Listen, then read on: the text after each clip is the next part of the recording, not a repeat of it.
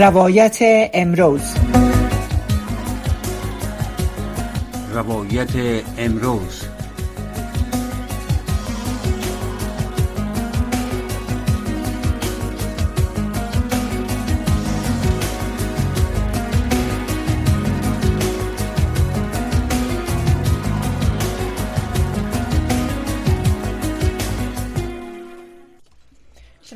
گرامی سلام به برنامه روایت امروز خوش آمدین.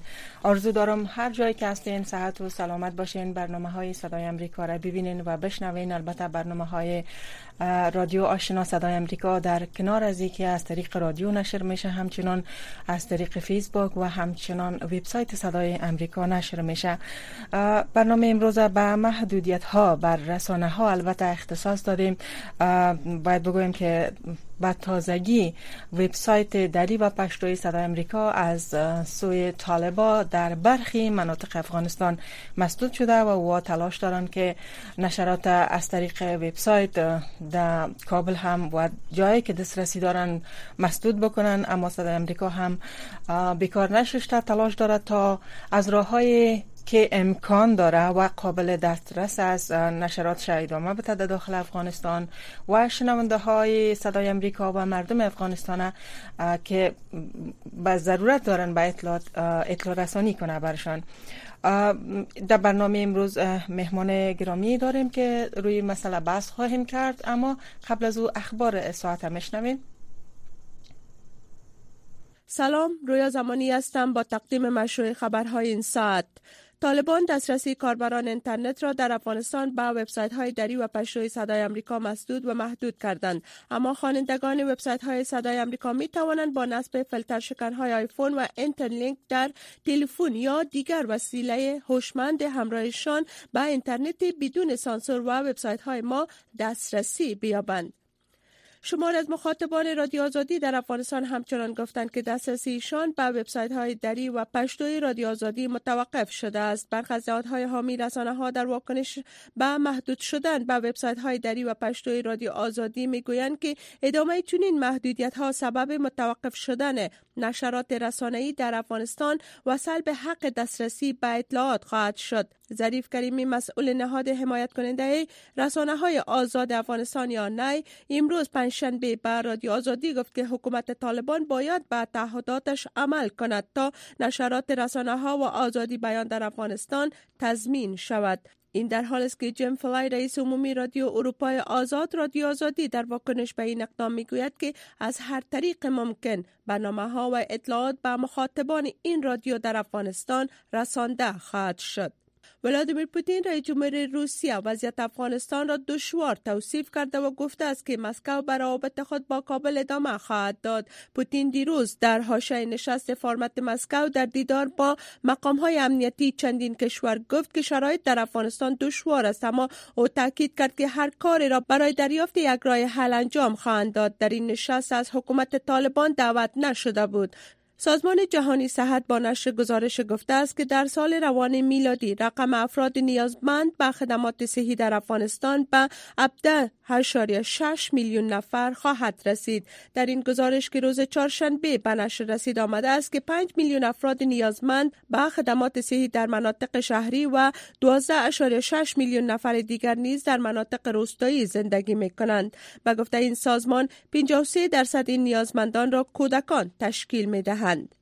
وزارت امور مهاجرین و عودت کنندگان طالبان می‌گوید که بیش از هزار پناهجوی افغان از ایران به وطنشان بازگشتند. این وزارت در توییتر خود نگاشته است که 1566 مهاجر افغان اخیرا از طریق اسلام قلعه ولایت هرات به افغانستان بازگشتند که 36 خانواده و 1456 فرد مجرد را شامل می شوند اما این وزارت نگفته است که این افراد جبران اخراج شدن یا داوطلبانه به افغانستان برگشتند با تسلط دوباره طالبان در آگوست سال 2021 میلادی افغانستان شاهد مهاجرت های گسترده بوده که اخیرا این افراد به کشورهای همسایه مهاجر شدند خبرهای منطقه و جهان را از امواج رادیو آشنا صدای امریکا دنبال می کند. شمار تلفات زلزله مرگبار در ترکیه و سوریه به 16 هزار تن رسید. در نتیجه این زلزله ده هزار تن دیگر نیز زخمی شدند. ارقام تلفات ناشی از این زلزله نهایی نیست زیرا هنوز هم شماری زیادی از مردم در زیر خرابه های ساختمان ها گیر ماندن و مفقود الاثر هستند. هوای سرد در ترکیه و سوریه عملیه جستجو و نجات را با مشکلات جدی مواجه ساخته است. کشورهای مختلف جهان صدها کارمند نجات و کارشناسان خود را برای کمک به مناطق زلزله زده در ترکیه اعزام کردند.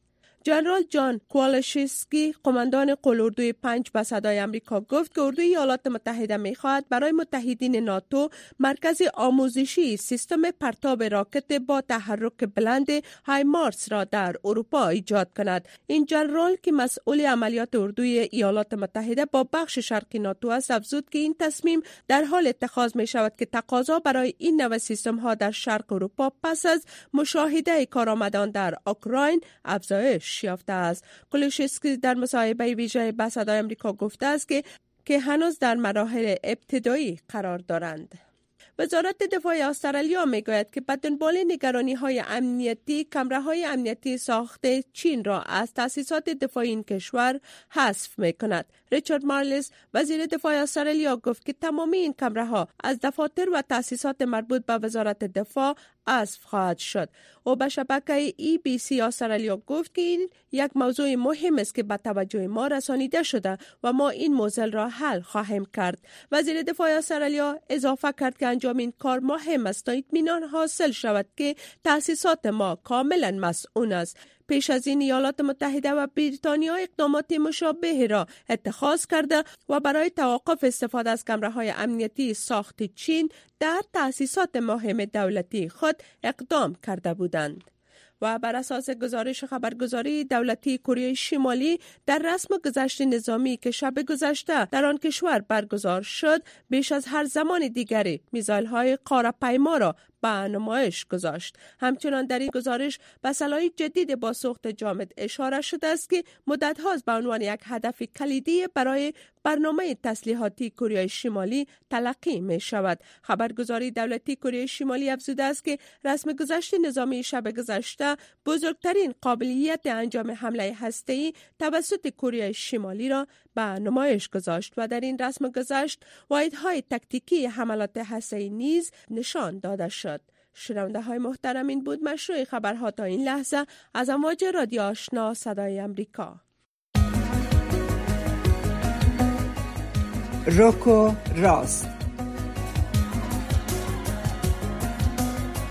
صحبت های داغ صاحب نظران و نظریات شنوندگان در مورد خبرها و مسائل روز هر شام از ساعت 8 تا 9 شب در برنامه مشترک دری و پشتوی رادیو آشنا صدای امریکا. سلام مجدد شنونده های گرامی کسایی که تازه با ما پیوستین خوش آمدین به برنامه. برنامه روایت امروز است. من فوزیه احسان هستم میزبانی برنامه و به برنامه مهمان گرامی داریم حامد پویا روزنامه نگار افغان.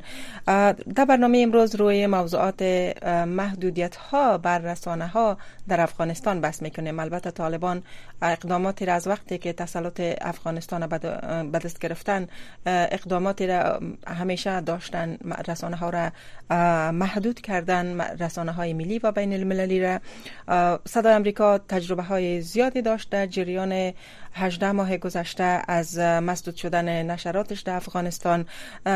در ماه حمل البته نشرات تلویزیونی صدای امریکا که از طریق رسانه های داخلی هم نشر می شد مسدود شد و همچنان طالبا نشرات رادیویی صدای امریکا را تلاش کردن مسدود کنند که صدای امریکا های تازه را پیدا کرد و از تکنیک و تکنولوژی که در اختیار است امروزه استفاده کرده و کوشش کرده که شنونده های صدای امریکا به معلومات دسترسی داشته باشند. و حالا هم طالبا تلاش دارن وبسایت های دری و پشتوی صدای امریکا را مسدود کنند در برخی نقاط افغانستان نشرات از طریق وبسایت مسدود شده و تلاش هایشان جریان داره. اما صدای امریکا هم تلاش هایش جریان داره که با اشکال مختلف از تکنولوژی هایی که در قابل دسترس استفاده کنه و شنونده ها را اخبار اطلاعات بیطرفانه و همیشگی خود برسانه برای شنونده ها. از آقای پویا تشکر می‌کنم که به برنامه دعوت ما را پذیرفتن. آقای پویا حضور دارین؟ در برنامه در خط هستین؟ سلام وقت شما همکارانتان و وقت شنوندگان و بینندگان شما بخیر. بسیار زیاد خوش آمدین تشکر از وقتتان. آقای پویا طوری که من در مقدمه گفتم طالبا تلاش دارن همیشه که محدود بسازند دسترسی مردم به مطبوعات به اطلاعات به رسانه ها آزادی بیان محدود کردین در افغانستان. حالا هم تلاش دارن رسانه های بین المللی به شمول صدای امریکا را که طوری که من گفتم وبسایت های ما را به تازگی البته طالبا تلاش دارن که مسدود کنن و در برخی مناطق مسدود کردن. به نظر شما طالبا چرا فکر چرا تلاش می‌کنن که دسترسی مردم به, به اطلاعات محدود بسازن؟ دلیل چی است؟ از یک سال و نیم بدین سو و زمانی که طالبان به عنوان یک گروه افراطی جنگی توریستی که در افغانستان مسلط هستند متاسفانه ما 60 فیصد تا 70 فیصد رسانه های مستقل را یا نشراتشان متوقف شده یا محدود شده و یا هم جدا تحت سانسوری گروه قرار داره و باور ما رسانه ها می‌تونن پول ارتباط مستقیم بین مردم افغانستان و جهان باشه. می‌تونه رسانه ها صدای مردم افغانستان به جهانیان باشه. یک پول بسیار مستحکم ارتباط و قابل اطمینان. متاسفانه سال گذشته زمانی که نشرات افیم صدای آشنا و شمار دیگری از رسانه ها در افغانستان توسط طالبان مسدود ساخته شد. او وقت زنگ خطری برای رسانه های مستقل و رسانه هایی که بازدی رسانه هایی که باجدی برای, برای طالبا و برای تفکر طالبانی نیستند یک زنگ خطری بود که متاسفانه ما هم تماسایی که داشتم نشرات شماری از رسانه های مستقل و بیطرف و جهانی در اکثریتی از ولایت های افغانستان نشرات وبسایتی. دات کام اینا توسط طالبان مسدود ساخته شده. طالبان ترس داره صدای مردم طالبان ترس داره از آزادی طالبان ترس داره از دانایی طالبان ترس داره از بینایی مردم افغانستان. می‌دانند طالبان که هر چقدر رسانه ها آزاد باشه هر چقدر که صدای مردم افغانستان به گوش جهانیان بس همان قدر فشارهای جهانی علیه طالبان و علیه این گروه بیشتر میشن.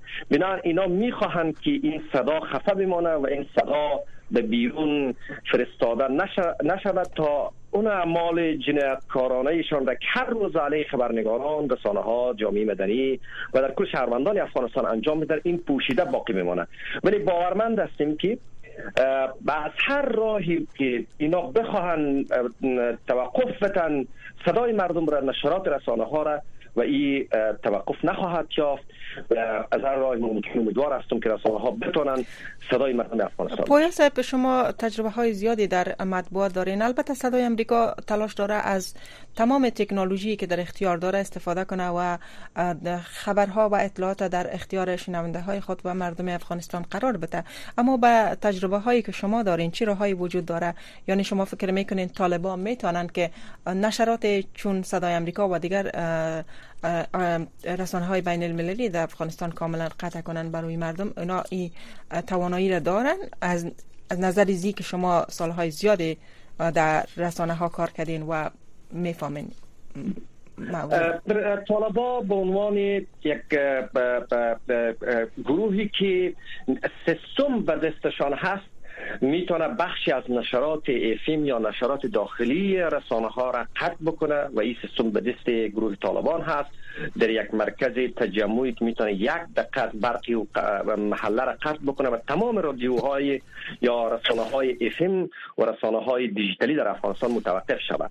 اما در قسمت رسانه های جهانی اینها توان قطع کلی نشرات رسانه ها را نداره و قطع کلی وبسایت های رسانه ها را نداره. اما وزارت مخابرات یک بخش از سایبر سکیوریتی بخش از یک بخش مهمی از سیستم سازی افغانستان هست که متاسفانه این سیستم به دست نه, افغان ها نیست بلکه یکی از کشورهای همسایه انجینرهای و کشورهای همسایه مطلقا زمانی که طالبان مسلط در افغانستان شدن و این سیستم سایبر سپیریتی یا سیستم واکنش سریع دیجیتالی افغانستان به دست انجینرهایی هستند که سالها در پاکستان تحصیل کردن و حتی شمارشان شهروندای شهروندی پاکستان را دارند. و این سیستم را می‌تونه اخلال در قسمت نشر نشرات رسانه ها و در قسمت ای که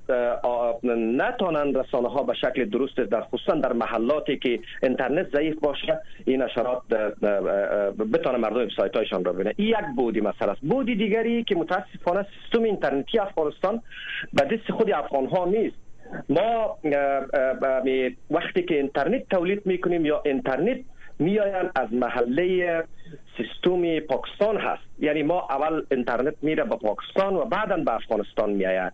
و طالبان می‌تونه از طریق اینترنت تمامی وبسایت های جهانی که در افغانستان کار می‌کنن و یا هم نشرات دارن از طریق اینترنتی می‌تونن قوه اینترنت را یا امو گراف اینترنت را پایین بیاره از نگاه جیبی به این اساس اخلال در عدم باز بودن یا باز شدن وبسایت های جهانی در افغانستان را می‌تونن اخلال ایجاد بکنه که ما نمونهش در دوران جمهوریت هم داشتیم که در بسیاری موارد اینترنت گاهی می‌شد که حتی فیسبوک فیسبوک و یا هم اپلیکیشن های بسیار ساده ممکن نبود که با اینترنت. با وجود که نشان می‌داد اینترنت قدرتمند و قوی است ولی اجازه با شدن نمی‌دادن بنابراین اینا می‌تونن از طریق اینترنت در محلاتی خصوصا در اطراف ها در کوچک شهرها در بزرگ شهرها به اندازه توان ندارند و خوشبختانه می‌تونن مردم به درستی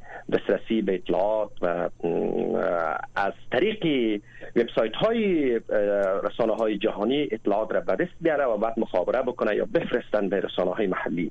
ولی دسترسی رسانه های محلی را متاسفانه کمتر ساخته و خلای کاملا اطلاعاتی مطبوعاتی و خبری را برای رسانه های محلی با بسته شدن یا بسته کردن وبسایت های جهانی ایجاد می‌کنند خلاهای اطلاعاتی چه نقشه می‌تونه داشته باشه در زندگی مردم؟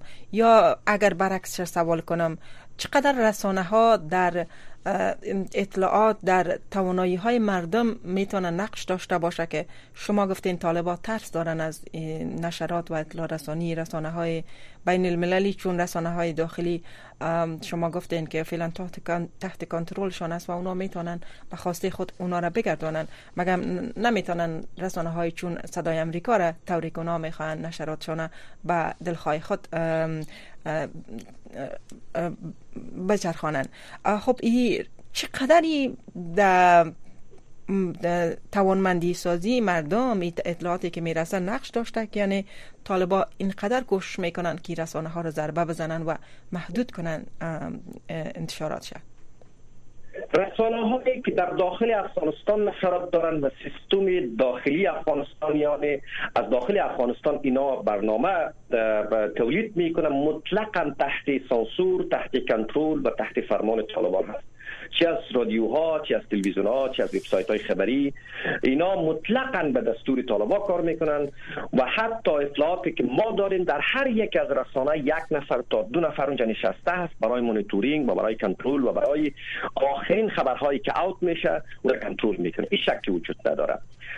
خلای اطلاعاتی شکی وجود نداره که برای زندگی مردم افغانستان برای رسانه های محلی جدا آسیب های بسیار زیاد داره و جبران کردن این آسیب ها سالها در بر می‌گیره. چرا؟ ما 21 سال کار کردیم و تمام جهان کار کردن تا این خلا از بین بره و ارتباط محلی افغانستان با مرکز و از مرکز به جهانیان وصل شود. ولی متاسفانه امروز طالبا به گونه برخورد می‌کنه که اول تمام رسانه های محلی افغانستان رو تحت کنترل گرفتن و تحت تسلط گرفتن. گرفتن و حتی بسیاری از رسانه ها را فشار آوردن و موج های افیمی رسانه ها را به گونه به دست خود گرفتن و پس دوباره به زور و فشار فروختن و یا مجبور ساختن که صاحبای رسانه هایی را به فروش برسانه و به افراد خود.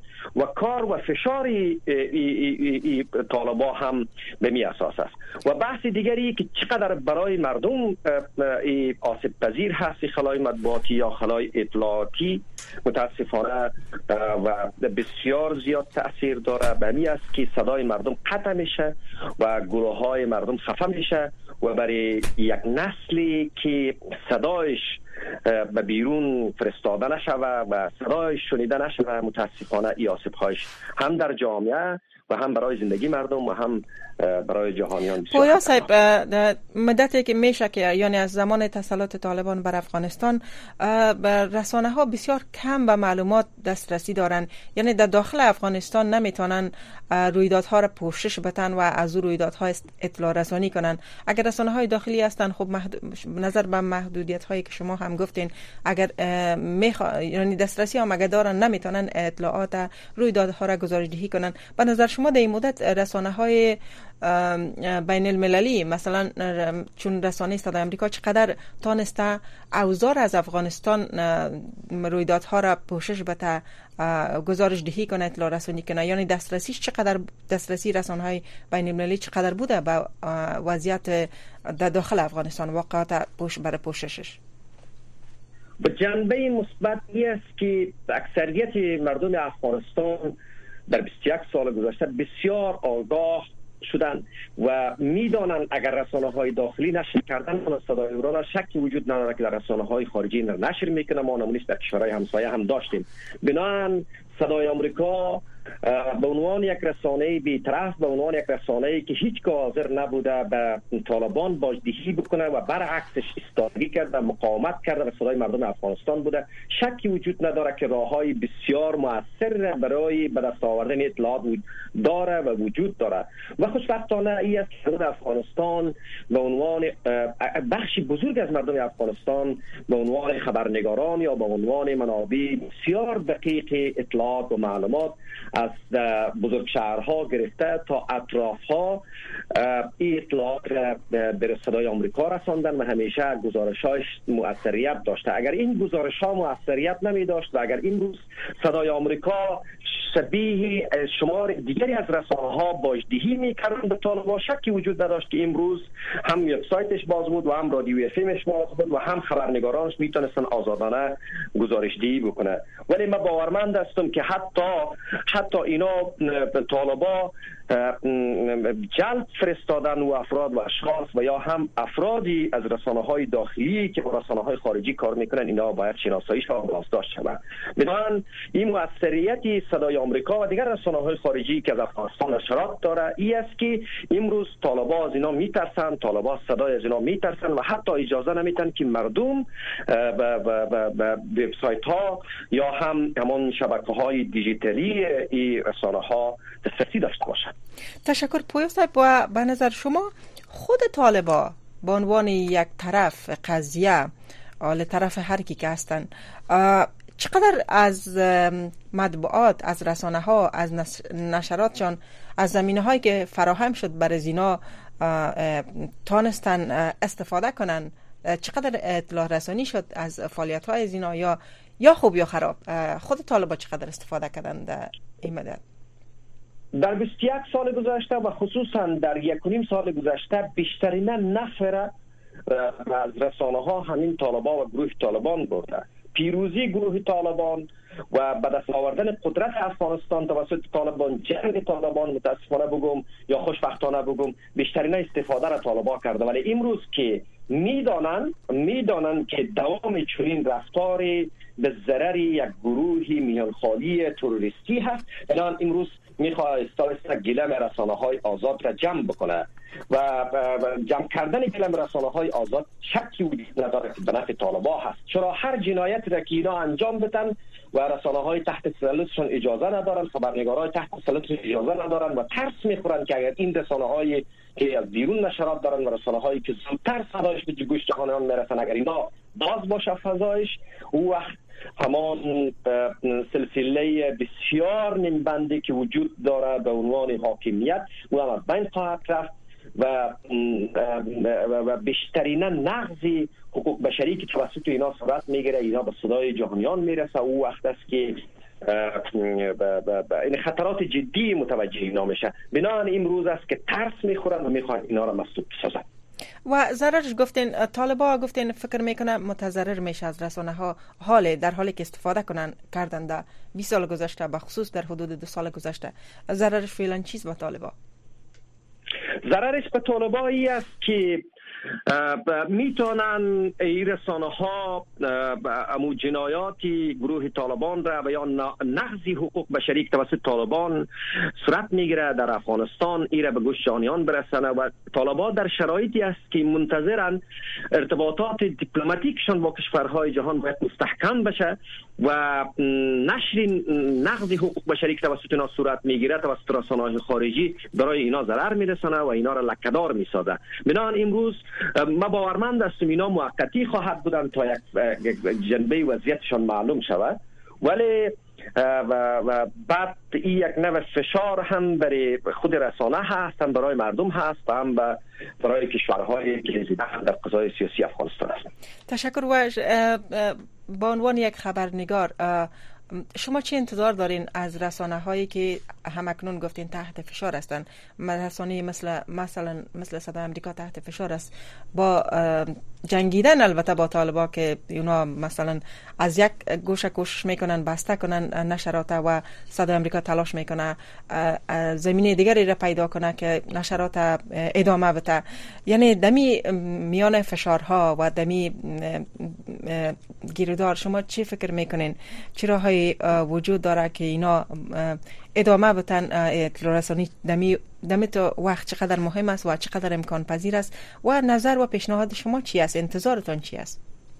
من پیشنهاد ما است که به صدای آمریکا و دیگر رسانه هایی که شبیه صدای آمریکا امروز تحت فشار گروه طالبان قرار دارد لطفا صدای مردم افغانستان شود و به هیچ عنوان باجدهی به, به طالبان و گروه های توریستی در افغانستان حاکمیت دارند.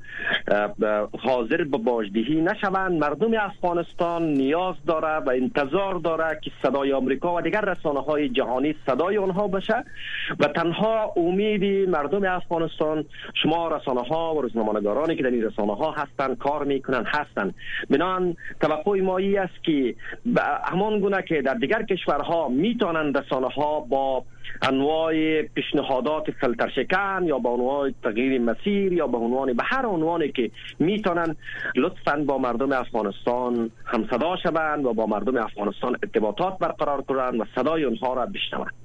بسیار زیاد تشکر محترم پویا صاحب حامد پویا روزنامه نگار افغان که تحلیلتان با ما شریک کردین و از وقتتان بسیار زیاد تشکر.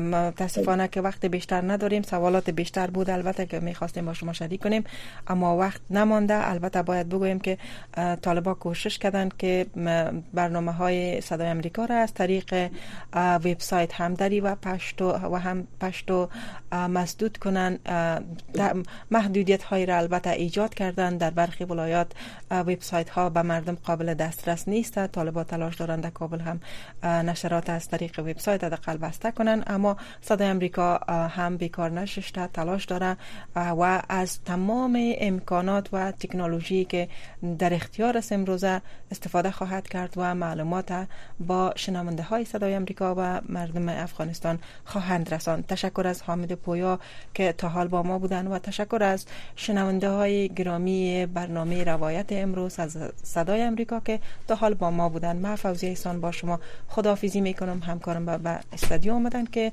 برنامه این اوازیت را پیشکش کنند وقت خوش و شب خوش داشته باشید